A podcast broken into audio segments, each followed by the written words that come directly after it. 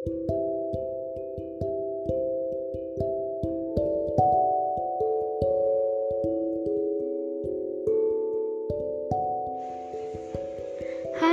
semuanya, selamat malam. Sebelumnya, selamat mendengarkan podcast pertama saya ya. Oh iya, saya biasa dipanggil Ara. Maaf kalau sepertinya suara saya masih belum terbiasa. Tapi semoga kalian suka dari setiap serialnya. Juga diambil pelajarannya ya. Aku, kamu, kita, dan dunia bercerita tentang semesta dan rumah untuk siapa saja. Gimana malam tahun barunya? Happy New Year ya untuk semuanya. Segala bentuk kenangan di 2021 yang akan pergi dan berganti di tahun 2022 semoga menjadi kenangan indah abadi tanpa dimakan usia. Tapi ngomong-ngomong, 2021 banyak sedihnya ya. Jatuh, bangun, hancur, mulai, pergi, dan banyak air mata yang gak bisa dilupain gitu aja. Segala bentuk proses dalam pendewasaan dalam bentuk paling menyedihkan yang harus kita rasakan. Ngomong-ngomong, dari judul dan deskripsinya beda ya antara salam perpisahan dan cerita tentang keadaan. Iya, tapi itulah dua hal beda yang pada intinya sama aja. Proses. Kenapa proses? Perihal tinggal meninggalkan, ikhlas dan melupakan kayak semakin dewasa semakin takut rasanya untuk apa dan ngapain aja. Takut kalau ngelakuin kesalahan yang sama, takut kalau ternyata yang direncanain gak sesuai ekspektasi, takut kejadian buruk yang itu terulang lagi. Dan semesta tuh gak pernah juga gak akan nunggu kita siap dulu buat semuanya terjadi. Kadang tuh ya, suka kayak bilang gini semesta udah dong bercandanya. Karena kayak asli bener-bener capek juga kan. Tapi kita nggak bisa minta keadaan buat ngertiin mood kita buat stop semuanya dan kita yang pegang kendalinya. Nggak bisa ya kalau itu bisa kayaknya semua manusia pengennya skip aja perasaan sedih tapi sebenarnya senang dan sedih itu satu paket. Kayak kalau kita puasa, terus bisa nikmatin enaknya buka. Jadi kita tahu caranya bersyukur. Aku pernah dengar kalimat gini. Kita nggak akan ngerasain nikmatnya kipas angin kalau kita tuh nggak sumuk dulu. Intinya semua hal yang diciptakan pasti punya tujuan Cuma ya semesta nggak selalu bungkus itu langsung dengan kebahagiaan. Step by step, setiap anak tangga yang harus dilewatin buat kita sampai puncak.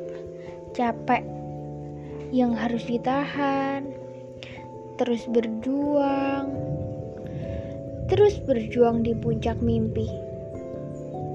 Tapi aku yakin akan ada perasaan lega kalau kita bisa sampai di titik sana. Kita milih tetap berjuang saat keadaan benar-benar nyerang kita buat nyerah aja. Ini apa sih yang aku perjuangin? Mana sih hasil yang selama ini aku usahain? Pertanyaan-pertanyaan kayak gitu yang menjelma mimpi buruk yang juga sebenarnya tantangan buat kita. Bisa nggak ngelawan ego sendiri? Bisa nggak buat hargai apa yang kita udah mulai? Kadang tuh ya kita kurang percaya sama diri sendiri. Padahal itu bukan nggak ada hasilnya. Cuma emang karena waktunya belum tepat aja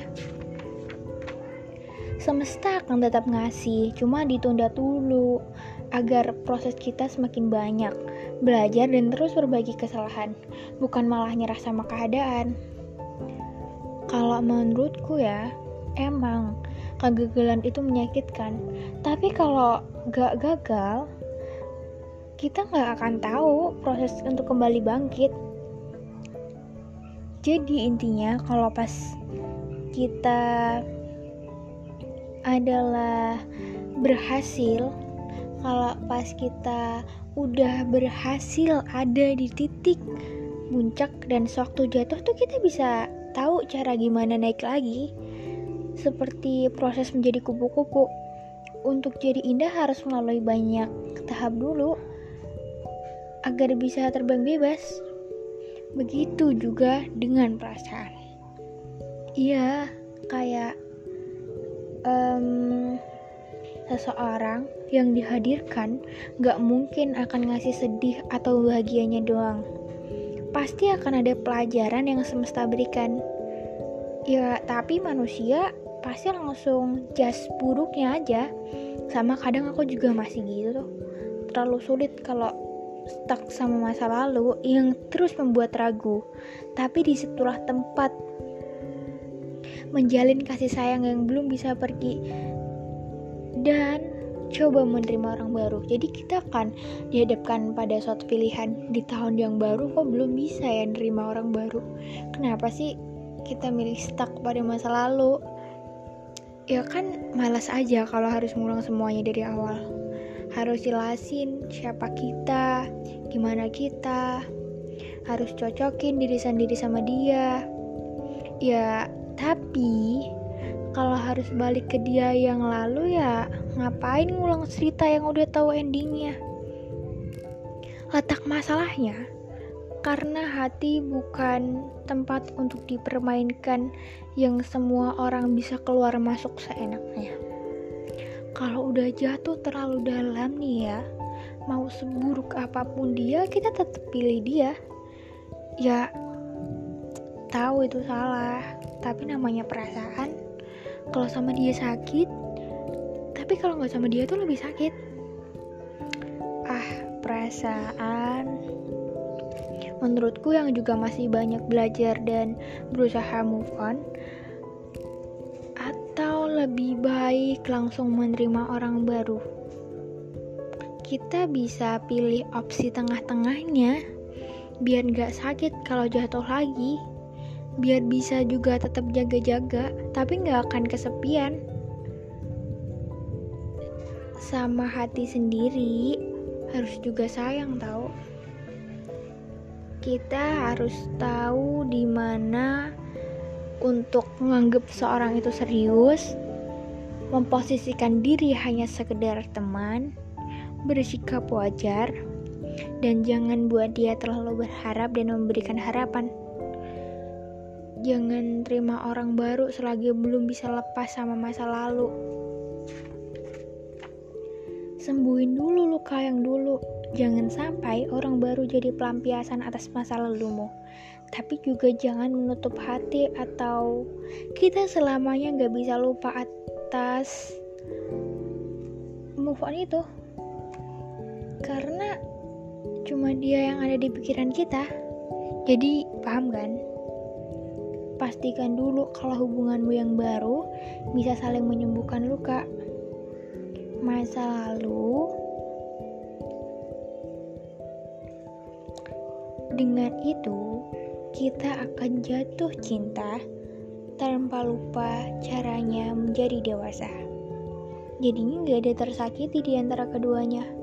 Kamu gak usah bingung antara milih yang baru atau stuck sama yang lama tapi kita berada di tengah-tengahnya.